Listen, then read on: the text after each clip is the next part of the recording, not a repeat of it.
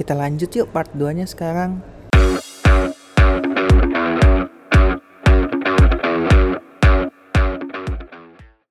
Kalau gue lihat-lihat sih sebenarnya one on one itu penting ya, uh, soalnya bagi keduanya. Tapi kalau dari sisi manajer tuh sebenarnya alasannya kenapa sih one on one itu penting bagi seorang manajer gitu?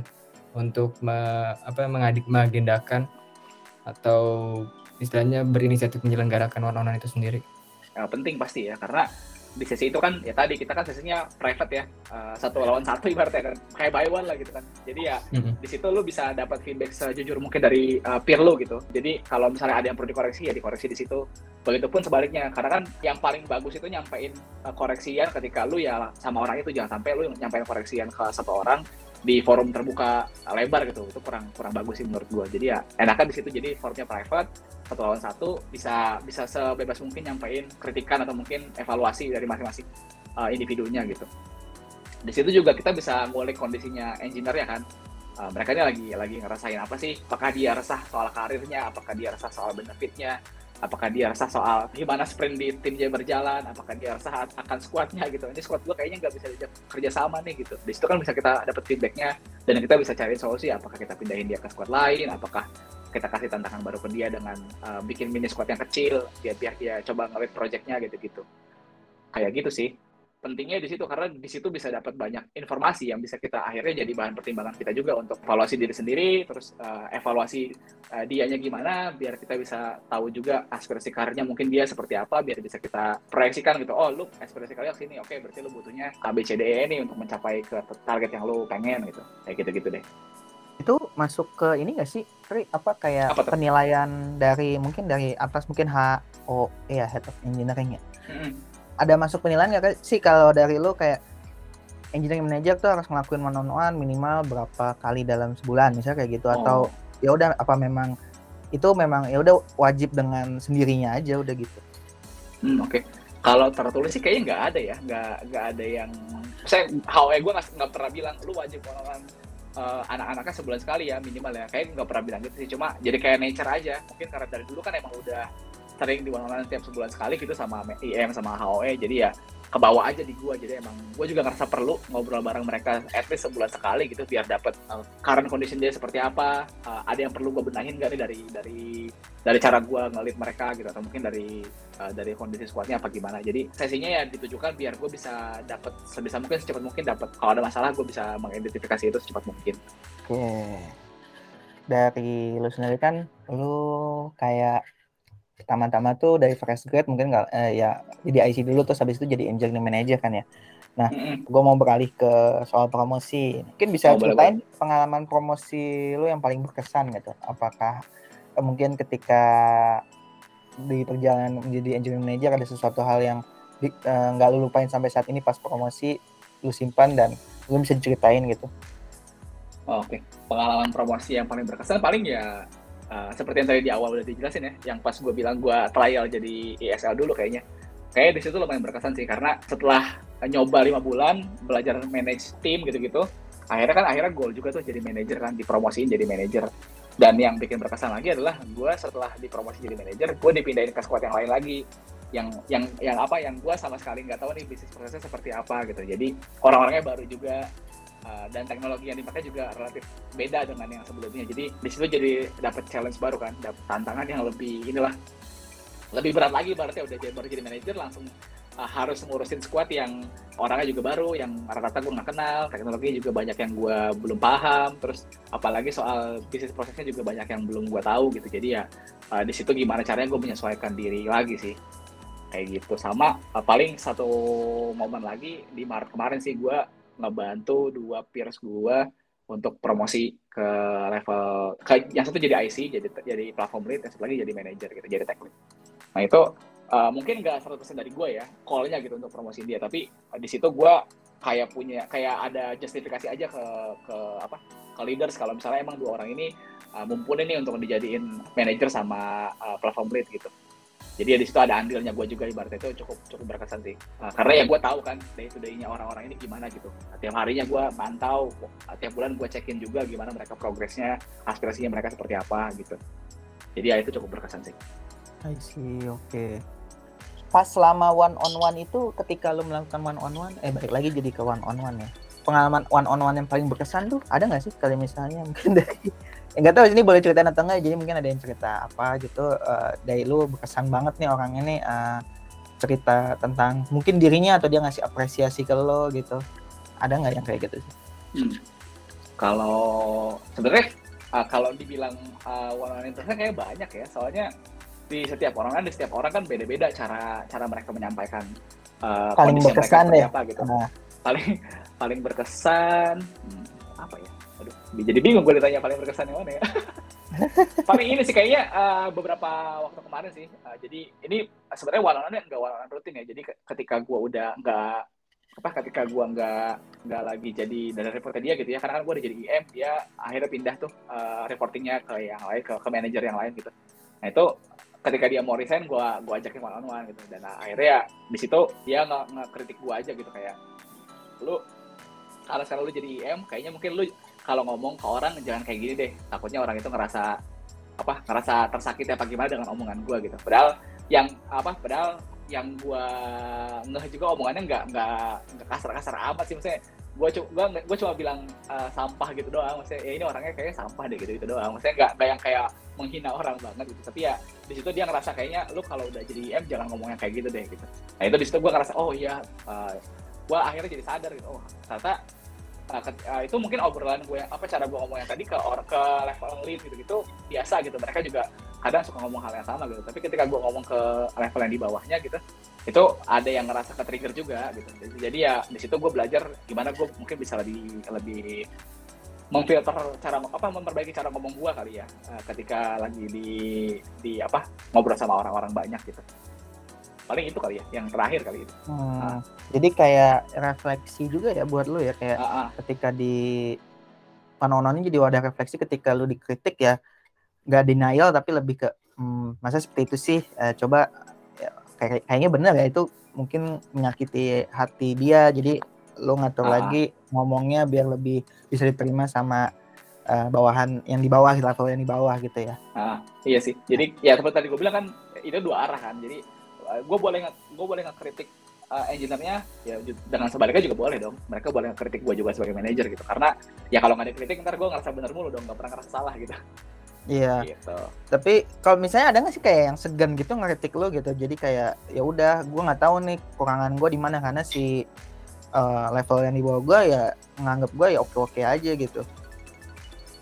Uh, kalau segan kayak sih pasti ada aja sih. Cuma gue biasanya kalau kayak gitu minta tolong uh, peersnya. Biasanya kan gue di tiap di tiap unit tuh ada yang dekat gitu. Misalnya gue di QA nih di, di squad A gue uh, QA-nya ada yang sering gue ajakin ngobrol gitu yang udah yang udah hmm. open banget sama gue lah nanti ketika gue hmm. ngerasa kayaknya orang ini ada concern ke gue deh tapi dia nggak mau nyampein gue minta gue minta tolong dia untuk ngorekin ngorekin informasinya gitu coba tanyain deh dia ada ada masalah sama gue nggak sih gini-gini gitu-gitu jadi ya biar tetap, tetap bisa dapat informasinya gitu nggak selalu berhasil tapi itu cara yang sering gue pakai sih biar bisa apa biar bisa dapat concern dari teman-teman ke gue gitu terlebih untuk orang-orang yang sulit untuk nyampein perasaannya ya gitu Oke. Lagi-lagi nanti dapat informasi nggak? Gue nggak bisa ngomong langsung ke IM-nya. IM-nya nggak asik. Uh, ya. Iya. Kayaknya itu deh. Oke oke oke. Oke, uh, tadi kan Luffy juga sempat ngomongin tentang promosi dan balik lagi ke one on one. Nah, supaya kita bisa cari keterkaitannya. Sebenarnya kalau misalnya mendapat Tri sendiri terkait one on one dan promosi sebenarnya one on one dan promosi itu ada kaitannya atau enggak sih? Misalkan orang yang rajin one on one dia bakal lebih mudah untuk mendapat promosi atau sebenarnya promosi ya udah itu hadiah aja gitu cuma-cuma gitu kan ya ini ya dia ini promosi gitu dan gak ada hubungannya sama orang rajin atau enggak rajinnya one on one kalau ditanya one on one sama promosi uh, berkaitan apa enggak, kayaknya cukup berkaitan ya. Karena kan promosi pasti diawali dengan one on one dulu gitu. Kayak gue yeah. juga promosi jadi manajer kan, gue ngajak ngobrol dulu gitu. Gue resah nih soal karir pet gue gitu-gitu. Nah di one on one juga kan si manajer bisa mantau progresnya ya oke okay, orang ini lagi pengen lagi ada aspirasi karir ke sini oke okay, gue pantau deh selama beberapa bulan ke depan gitu. kayak kemarin kan gue jadi ESL dipantau selama lima bulan gitu nah, itu juga mungkin bisa jadi berlaku tuh tiap tiap orang tuh dicekin oh dia progresnya kayak gini dia udah udah bisa dari ekspektasi gue misalnya gue ekspektasikan lima poin gitu dia udah satu poin udah oke okay nih oke okay, tinggal gue arahin ke poin berikutnya poin berikutnya gitu gitu sampai akhirnya ntar di ujungnya siap untuk jadi level uh, untuk naik level untuk dipromosikan gitu. Di one on one juga kan di one on one sendiri si engineer kan bisa minta tantangan lebih ya ke manajernya. Misalnya kayak lagi yang nggak ada lagi ya udah gue kayak day to day-nya gini-gini aja nih gue udah bisa nyelesain tas yang harusnya buat satu sprint gue kelar dalam tiga hari terus gue nggak ada kerjaan lagi kasih gue tantangan baru dong misalnya gitu ya itu kan bisa juga di apa disampaikan di satu one on one biar ketika dapat tantangan baru ya mungkin levelnya naik lagi ya bisa jadi itu jadi promosi juga gitu. Manajer juga bisa mempertimbangkan sih buat si engineer-nya udah siap belum sih kayak dia dipromosiin gitu. Apakah ntar dulu deh lu belum dulu deh gitu. Itu kan di apa itu juga keputusannya kan akhirnya dinilai dari tiap kali one on one ya. Cuma banyaknya one on one itu nggak mempengaruhi juga lu akan dipromosikan gitu. Misalnya anggaplah lu one on one setiap sebulan empat kali gitu, tiap seminggu sekali. Tapi tiap one on one lu nggak ada progres sama sekali gitu. Cuma ya ngobrol aja, ngobrol say hi segala macam. Ya buat apa buat apa? Itu nggak akan mungkin jadi promosi kalau misalnya lu di tiap one on one banyak tapi nggak pernah ada progresnya gitu. Tentu one on one yang diiringi dengan progres juga uh, akan menuntun itu jadi promosi gitu. Harapannya sebenarnya kan yang di, yang ditekankan sebenarnya bukan one on tapi lebih ke progres si engineer-nya gitu one on one itu cuma buat wadahnya aja untuk bisa checking up progresnya gitu. Lu udah sampai mana nih progresnya? Lu apa yang kurang? Apa yang bisa gue bantu? Gitu-gitu. Menarik nih. Biasanya kalau misalkan orang nyampein aspirasi kan ada yang misal orang udah punya spesialisasi lah. Kalau misalkan dalam engineering kan ada yang wah udah dah di front end ya front end aja gitu kan ya aspirasi bakal ke front end aja gitu. Nah, bagaimana sebenarnya lu mengarahkan ketika ada orang one on one menyampaikan aspirasi apalagi nih fresh grade. Kadang fresh grade itu kan pengennya di awal-awal ya dia ngerjain yang dia bisa habis itu pengen tantangan lebih kan gitu. Nah hmm, biasanya hmm, okay. lu akan memberi saran seperti apa sih kalau misalkan case-nya itu adalah orang-orang baru uh, new joiner gitu kan yang haus akan ilmu gitu. Apakah semuanya harus dijadikan seorang full stack? Yang bisa apa pun gitu kan yang serba bisa gitu kan. Supaya nanti ke depannya ya jadi mungkin bisa jadi general apa kan ada istilah spesialis dan generalis kan gitu. Mm-hmm. nah, kalau lu akan seperti apa mengarahkannya? Kalau ada kondisi mm. seperti itu. Kalau kalau dari gue pribadi ya kayaknya kalau misalnya orang misalnya nyuk nyukamer gitu terus dia merasa ya udah gue semua yang ditugaskan gue udah selesai semua gue mesti ngapain nih? Gue akan balik nanya lu interestnya ke mana gitu. Misal lu sekarang front end nih, tapi gue interest ke DevOps. Ya udah coba lu kulik deh si ICD-nya kita gimana gitu. Gue tapi bingung ya tanya, kan kita punya tim DevOps, lu tanya lah, lu ngobrol lah bareng mereka gitu. Kalau misal lu, lu misalnya belum tahu nih siapa orangnya ya udah ya gue temenin di pertama kali nih biar biar lu tahu nih orangnya yang pasti lu tanya si orang ini. Ntar ke depannya lu bisa mandiri tuh nanya ke dia gitu. Jadi uh, eksplorasinya tetap dari dia, call-nya mungkin gue kayak ngebukain jalan aja ke mananya gitu. Jadi pasti gue akan nanya balik ke mereka sih. Gue gue pribadi uh, orang yang nggak mau ngarahin orang ke suatu tempat. Misalnya kayak tadi FE gue paksa uh, belajar jadi backend gitu buat full stack. Kalau bisa dia nggak mau ya gimana gitu. Ntar malah jadi nggak perform kan. Takutnya malah jadi nggak ganggu dia juga. Paling uh, ditanya aja mereka tuh ininya gimana? Apa concernnya kayak gimana? Misalnya oke okay, gue gue junior FE tetapi gue udah bisa menyelesaikan tas-tas gue dengan baik gitu dalam waktu yang ditentukan tapi gue ada spare waktu sekian waktu nih eh sekian hari buat di sprint ini gitu. Gue pas gue kosong mau ngulik apa ya. Kalau lu emang pengen jadi spesialis FE ya lu ngobrol lah bareng elite-nya gitu. Coba aja ngobrol aja lu perlu apa lagi yang lu explore? Ada ada project-project yang perlu POC nggak nih yang bisa gue kerjain? Gitu-gitu sih. Jadi gue mungkin lebih banyak kayak ngebukain jalan aja gitu. Selebihnya ya balik lagi ke engineer-nya. Menarik menarik. Soalnya kan kalau kita lihat dari manpower emang yang dibutuhkan tuh yang bisa nyelesain apa pun sebenarnya kan kalau misalkan bisa hmm. dibilang hmm. daripada kita meng-hire dua orang dan butuh waktu lama cari yang bisa semuanya kan gitu karena ada yang dimanfaatkannya adalah pressure yang ya haus akan ilmu kan gitu jadi ya, ya, ya. ayolah jadi full stack supaya kalian bisa membantu company ini ya ini hanya jokes udah ceritain sih Lalu gimana menurut lo gue nggak tahu ya nih apakah nih gue dengar rumor-rumor aja apakah sekarang tuh uh, mungkin perusahaan-perusahaan lebih mencari full stack dibanding yang spesialis ya mungkin spesialis FE, BE gitu. Bener nggak sih kayak gitu? Mungkin di hmm, teman-teman kalau di teknikal nah, nih dari Sigit mungkin sama Tri ada. Oh ya. Di gue dulu kali ya. Kalau dari gue sih kayaknya enggak ya. Kita kita sih ya udah spesialisasi aja gitu backend backend, front end front end.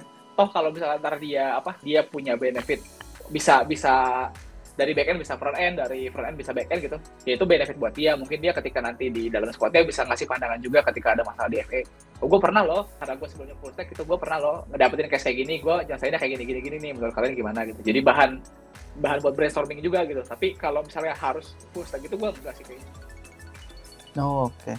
kalau dari lu sendiri better IC yang memang dia generalis yang punya kesempatan lebih buat promosi jadi sebenarnya kerjanya udah bagus terus dia spare waktu buat belajar hal lain atau memang spesialis yang dia udah juga udah ngajin dengan sesuai tenggat waktu kemudian spare waktunya ya dia maksimalin lagi nih uh, hasil kerja outcome-nya tuh dimaksimalin lagi gitu lebih lebih out of the box. Mungkin kalau dari sisi UX mungkin ketika dia ngerjain suatu halaman dia nambahin animasi animasi yang memang bikin experience lebih bagus gitu. Nah kesempatan si promosi ini lebih gede yang mana sih kalau dari lu sendiri atau mungkin sama aja gitu. Yang satu mungkin generalis uh, dia bisa spare waktunya untuk um, apa explore hal-hal baru atau ketika si spesialis ini atau atau spesialis yang memang dia spare waktunya tuh mempertajam lagi nih biar outcome-nya tuh lebih sempurna lagi gitu.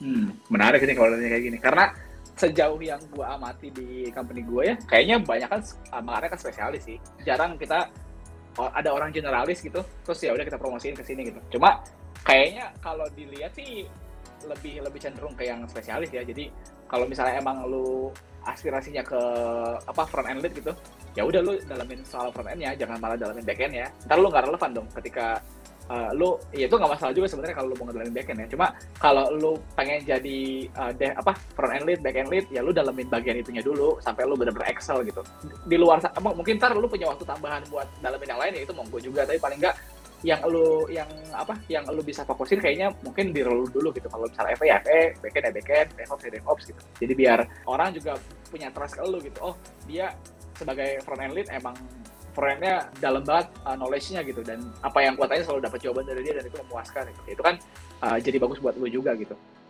Kalau misalnya lu ntar ditanya backend juga dan lu ngerti ya itu nilai plus buat lu sih. Kalau dari gua gitu ya. Itu pandangan pribadi sih.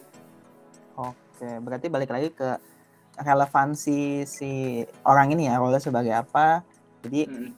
bisa mungkin ya udah uh, sesuai role lu aja kalau misalnya lu sebagai FE ya bagus ini FE lu gitu karena yang dinilai kan outcome-nya ya ketika lu apply di sini ya sebagai FE gitu kali ya hmm, hmm. tapi ya kalau misalnya emang punya aspirasi buat jadi generalis ya nggak masalah juga asal hmm. bisa manage waktunya aja sih iya apa T-shape ya semua bisa tapi ah, ya. fokus ke satu bidang gitu Oke. Okay.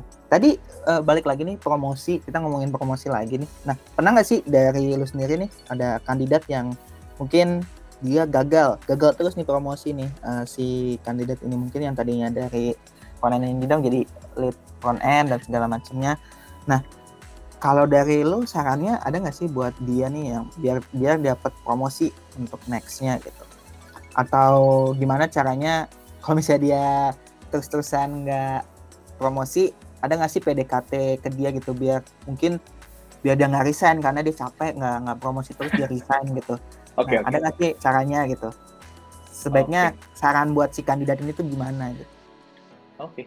Ngomongin gagal promosi gitu ya, kita mesti lihat dulu nih gagalnya kenapa gitu. Pasti kan ketika lu mau dipromosikan, pasti si manajernya sendiri lu ngasih ekspektasi ke lu kan. Oke, okay, gua kalau lu pengen jadi level level apa level naik level gitu ya ibaratnya naik level, lu mesti menuhin ABCDE gitu Nah, kalau misalnya lu dari ABCDE lu cuma AB doang, ya itu mungkin dinilai belum cukup untuk bisa promosi. Jadi makanya nggak dulu gitu. Nggak dulu deh gitu.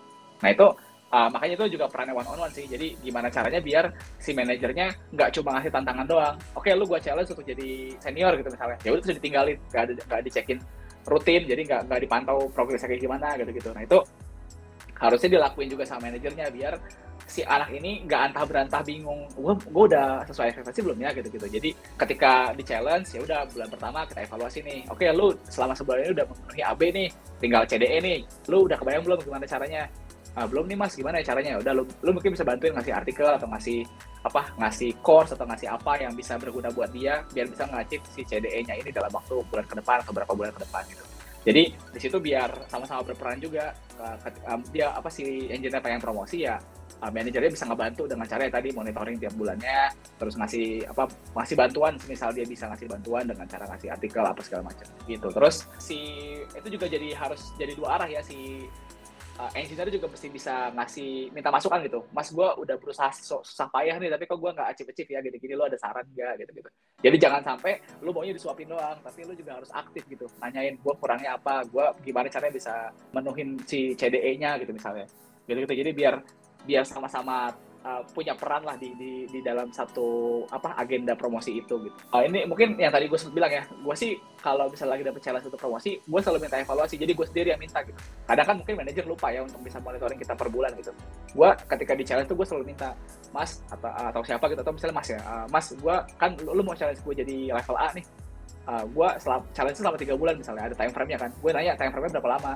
Uh, Oke tiga bulan, oke tiga bulan ya. Berarti gue mau di bulan di akhir bulan uh, di akhir bulan 1, 2, 3 ini lu evaluasi gue jadi biar di bulan pertama gue udah apa yang udah gue apa yang udah bisa gue achieve apa yang belum. Kalau belum ya udah kita kita kita coba cek di bulan kedua uh, bulan kedua evaluasi lagi. Udah achieve belum nih? Kalau udah oke. Okay. apalagi yang belum? Oke okay, kalau udah di, di di bulan ketiga gitu.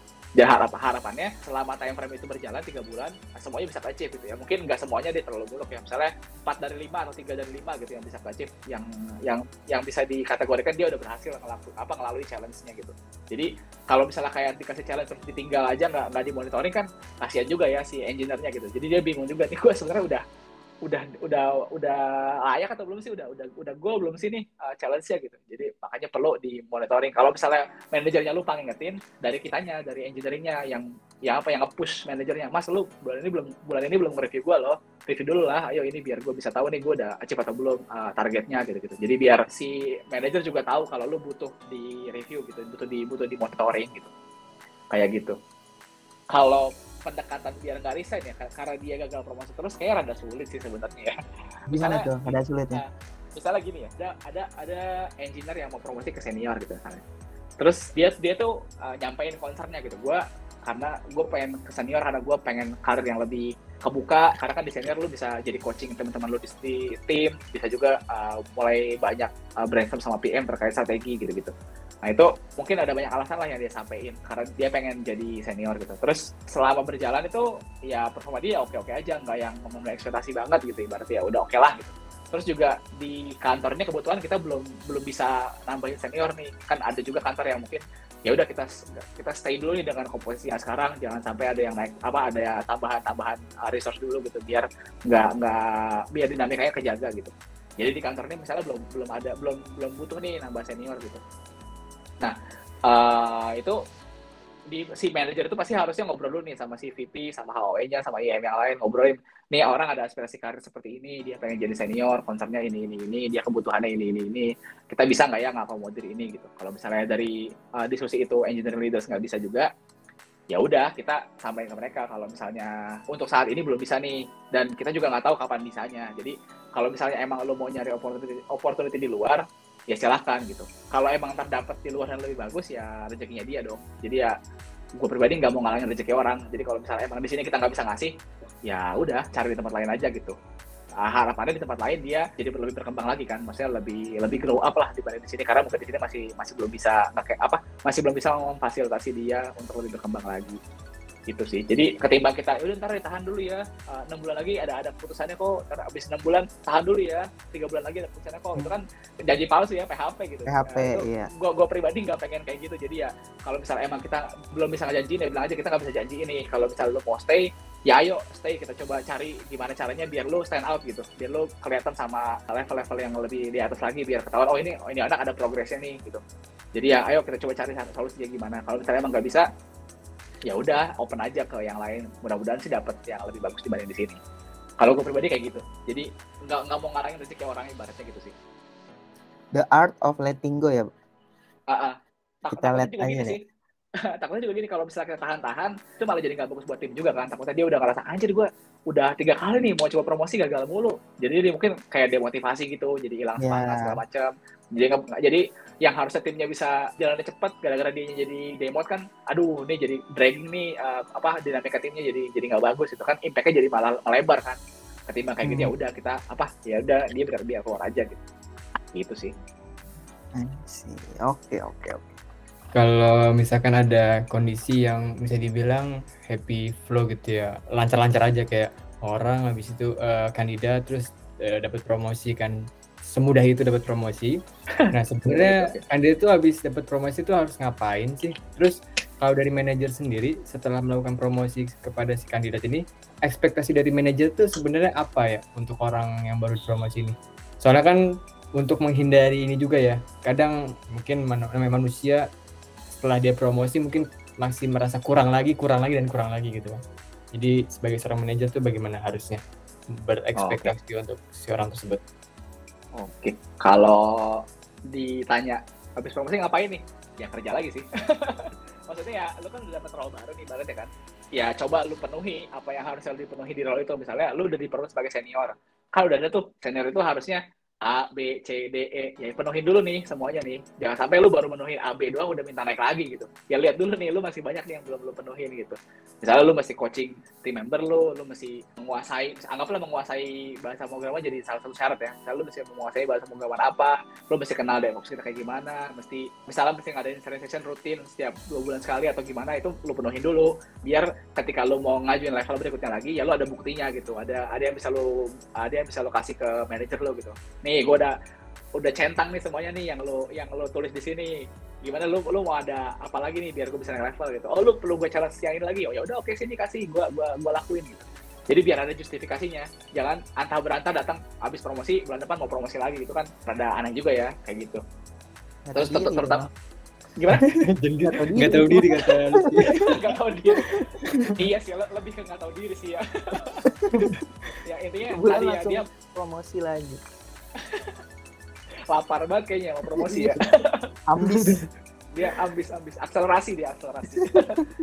Kayaknya tadi tuh dia harus bisa ngeceklis semuanya yang yang emang jadi tanggung jawabnya level itu ya. Per senior atau level apa pun pasti kan ada tanggung jawabnya. Penuhin dulu itu. Kedua pasti kan ketika lu di challenge lu performa lu naik nih. Misalnya oke okay, lu gua challenge jadi senior ya. Pasti lu berusaha semaksimal mungkin kan untuk bisa nge-impress manager lu gitu dengan performa lu yang satu-satu gimana tuh ya jadi cepet banget lah gitu performanya gitu. Dalam waktu sebulan lu kayak oh ini kayak superhero banget lah ibaratnya. Nah gimana caranya lu bisa mempertahankan itu? Jangan sampai ketika udah promosi ah gue ada promosi nih oke gue balik ke mode loyo lagi gitu. Itu jangan karena itu jadi mempengaruhi penilaian gue juga kan. Oh ini orang semangatnya pas promosi doang nih gak diaplikasiin ke level berikutnya semangatnya gitu. Itu jadi penilaian juga sih buat si manajernya ya. Kayak gitu Terus kalau ditanya ini ya, oh ini sama adaptasi di role baru gitu. Karena ketika lu masuk ke role baru, tanggung jawab yang lu yang lu tanggung kan lebih banyak. Dan pasti akan ada aja tambahan-tambahan yang lu nggak expect gitu. Misalnya lu ketika naik jadi senior kan lu selain lu selain lu ngoding gitu ya lu juga pasti coaching team member lu lu mesti ngeluangin waktu untuk nanya ke mereka lu ada apa ada bisa gue bantu gak dari segi tas lu atau pengembangan diri lu? gitu misalnya.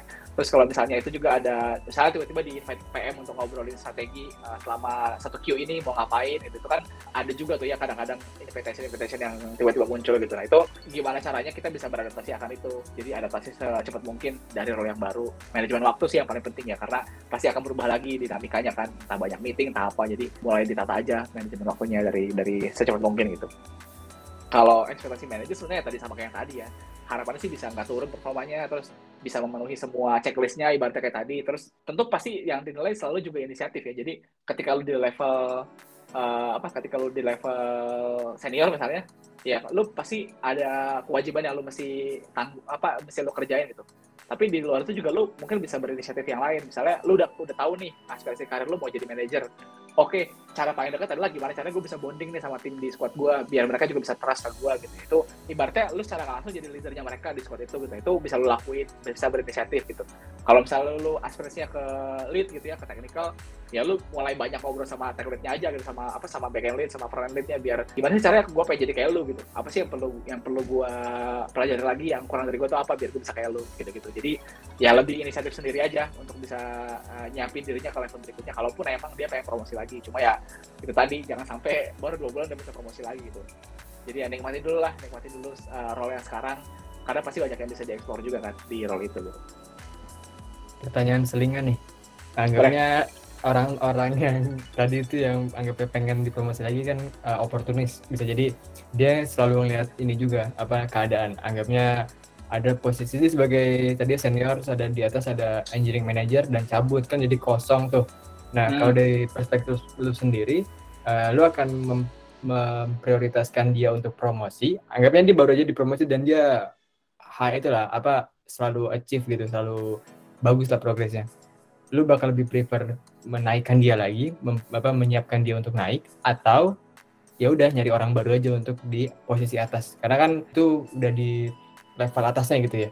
Jadi Hmm, hmm, hmm. lu prefer seperti apa Eh, mempromosikan orang atau Oh, oke. nyari, ya, nyari orang baru hire hire new new joiner Oke oke. Ini pendapat pribadi ya. Uh, Iya. Jadi beda juga sama yang lain. Kalau gue sih uh, kalau emang dia orangnya excel banget gitu ya, maksudnya excellence lah ibaratnya uh, apa superstar lah ibaratnya rockstar gitu. Ya mungkin gue bisa bantu dia untuk ke arah sana gitu. Ya mungkin nggak dalam waktu dekat tiga bulan langsung jadi IM gitu.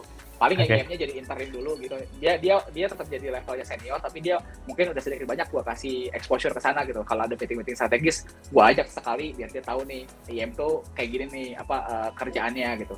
Terus kalau misalnya dia awalnya dia kan nggak nggak monitoring member ya, dia coba buat coba jadi lu coba nih one on one sekian orang gitu, lu bisa nggak ngatur waktu lu untuk bisa jadi IC juga, tapi lu juga managing people dikit-dikit gitu, kayak gitu-gitu. Jadi ngasih exposure dikit-dikit dulu ke dia biar dia juga nggak kaget. Taunya dia baru jadi senior, langsung di official jadi IM, kaget kan. Ntar gimana kan beda belang banget pasti kan dari senior ke IM, apa tanggung jawab segala macam beda bedanya beda banget. Gitu. Jadi takutnya dia ntar stres juga akhirnya jadi malah minta minta keluar atau gimana gitu. Jadi gue pribadi percaya lebih seneng nge-raise orang yang ada di lingkungan itu udah lama sih. Jadi biar apa ya, karena kan dia udah lebih paham uh, kulturnya juga. Takutnya kalau kita, gue nggak tahu nih tapi takutnya kalau misalnya kita ngambil orang dari luar, kulturnya nggak bisa fit gitu.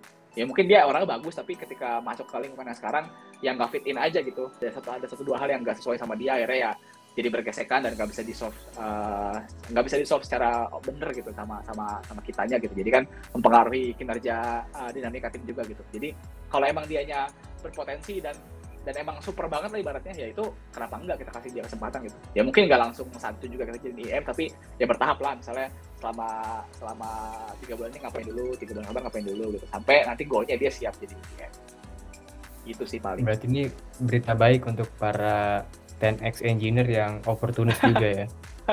Ya kalau Semangat, kalau semangat. dari, itu kalau dari gue ya. Maksudnya uh, mungkin dari pandangan orang lain iya, beda gitu. Cuma kalau dari gue sih gue lebih senang yang kayak gitu ya ya mung- mungkin opportunisnya ya bagus juga kalau misalnya emang dia diiringi dengan performanya dia yang bagus ya. Kalau misalnya lo Betul. opportunis tapi performa lu ya loyo ya ya jangan gitu.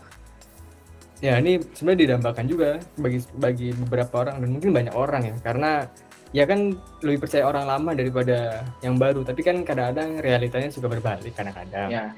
Ya, Ya. suka ada mencari Bukan orang baru. supaya lebih fresh. Nah, bukan berarti orang baru juga gua gua namanya dikit ya bukan berarti orang Iya. baru itu jelek maksudnya kita juga tetap butuh Iya. orang baru gitu untuk bisa ngasih pandangan baru misalnya kayak uh, orang baru dari X mana X mana ya mungkin dia bisa ngasih banyak insight ke kita oh ternyata handle uh, transaksi sekian ribu tuh kayak gini loh caranya gitu yang yang kita lakuin selama ini salah gitu itu tetap tetap butuh Hmm. juga gitu karena kalau kita stay dengan orang-orang yang doang ya kita berkembangnya bakalan lama gitu nah itu justru gimana cara kita ngebalancein aja antara orang baru masuk sama orang yang kita bisa raise di di lingkungan kita gitu. Karena kalau misalnya kita terus-terusan masuk orang baru ya kulturnya nggak kejaga gitu. Takutnya kulturnya beda ntar berubah lagi kulturnya. Ada orang baru lagi berubah lagi kulturnya. Ada baru lagi berubah lagi gitu. Jadi nggak nggak pernah ada kultur yang bagus di, di engineeringnya gitu.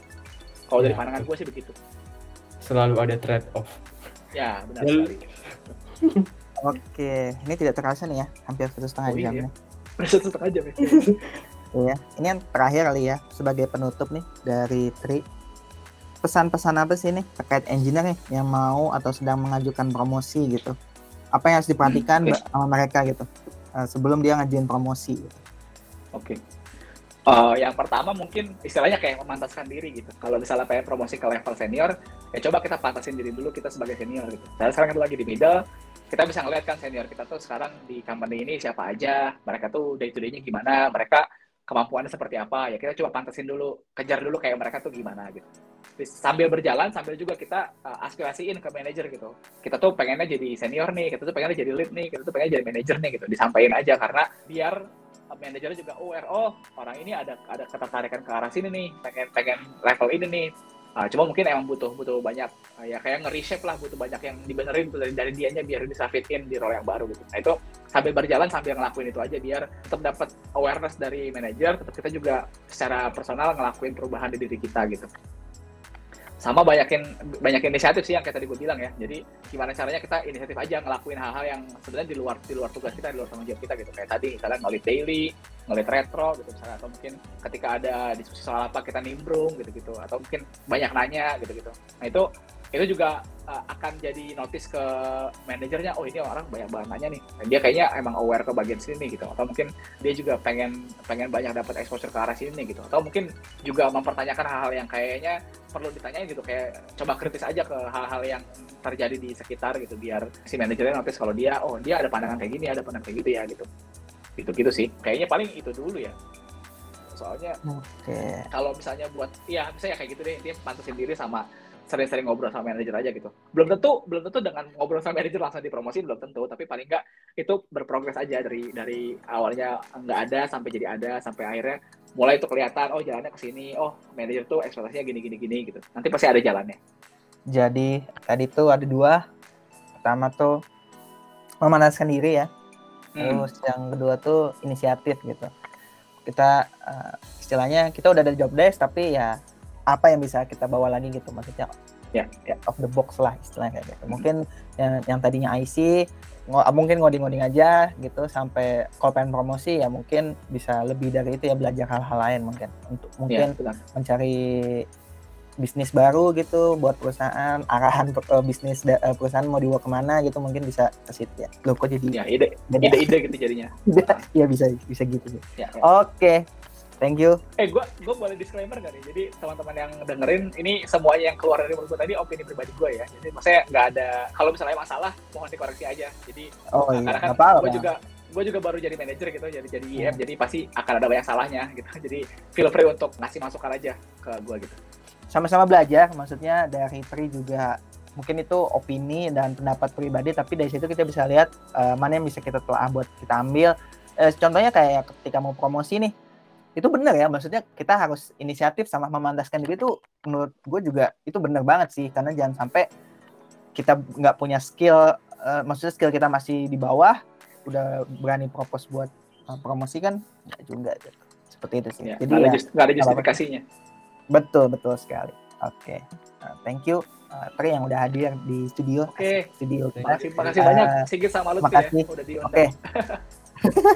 Oke, sekian dari gue, Lutfi dan Sigit. Ketemu lagi di next episode selanjutnya di podcast Sigit. Bye bye. Bye.